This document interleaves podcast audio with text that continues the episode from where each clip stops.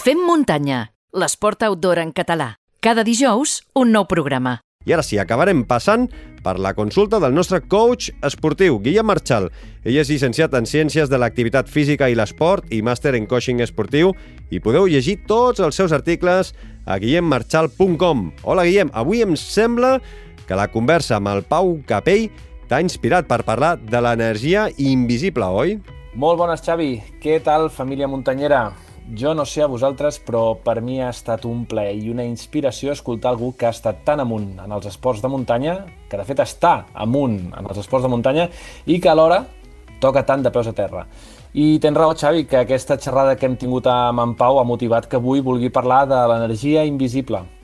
Amb en Pau ens coneixíem d'un training camp que va organitzar Bagà i ell no sap que la meva deriva psicològica en el món de l'esport prové de la visió i les converses que vaig treure d'allà.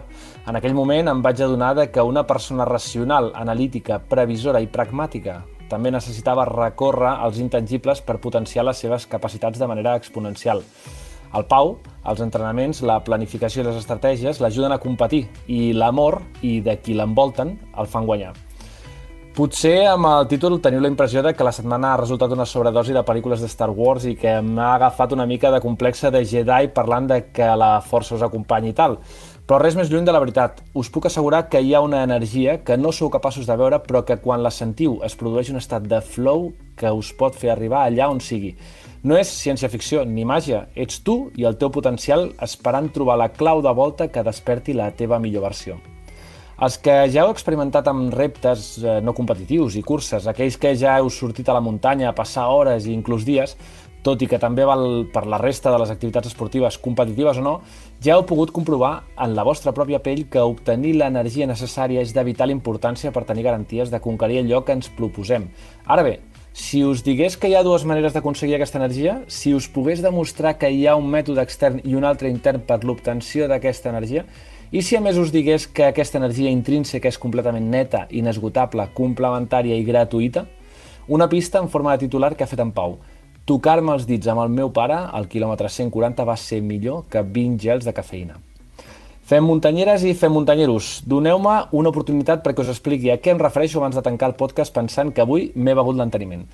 El mètode extern de rebre l'energia és mitjançant l'alimentació, la complementació alimentària o la suplementació nutricional, on hi ha un element extern, com els aliments, les barretes, les begudes o els gels, que et fan l'aportació necessària de nutrients per poder exigir-te durant la pràctica esportiva. El mètode intern, per contra, només et necessita a tu, a les teves emocions i als teus pensaments per fer una aportació energètica brutal en moments puntuals que t'ajudin a superar qualsevol circumstància. Sabeu de què us parlo, oi? Tots i totes segur que heu passat per aquell moment de dolor i fatiga, aquell punt en què no veus més enllà del teu nas i en què tot es magnifica, i on el teu cervell fa tot el possible per fer-te veure que és absurd continuar, i comença a enviar-te missatges i, i imatges de sofàs, menjars, mantetes, llars de foc, etc. En definitiva, una situació de no retorn en què el que necessites no es troba en alguna cosa que puguis treure de la butxaca màgica d'en Doraemon en què s'han convertit les motxilles d'avui dia i en què cap avituallament t'oferirà res que pugui satisfer la necessitat imperiosa que tens en aquell moment.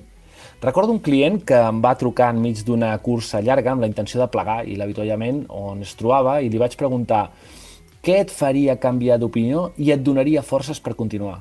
I ell em va dir, tenir la meva parella aquí per abraçar-la i que em digués que tot anirà bé i que jo puc amb tot.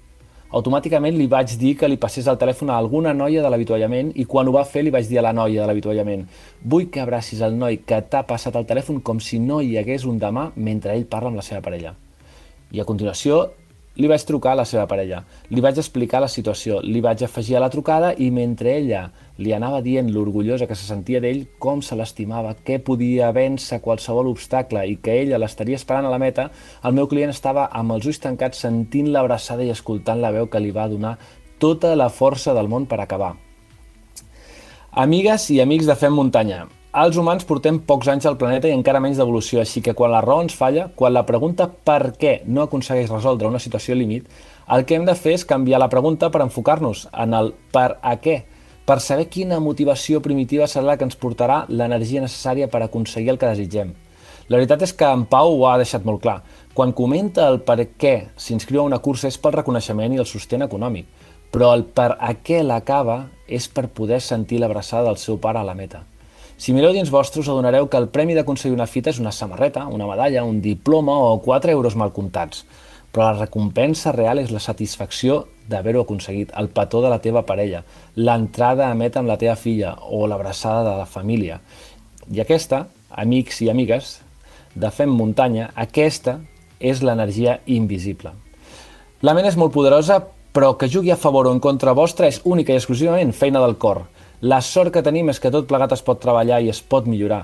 Hi ha moltes eines i recursos per poder ajudar-vos i a millorar tots aquests aspectes i som uns quants els professionals que us hi podem acompanyar.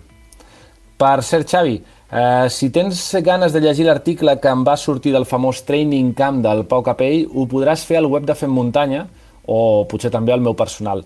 El títol crec que és prou eloquent tenint en compte que em vaig passar 3 dies convivint amb un campió mundial i una excel·lent persona. 15 claus per conquerir els teus reptes.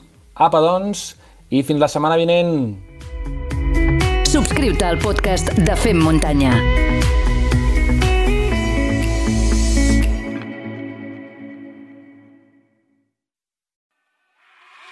Visita la nostra web femmuntanya.cat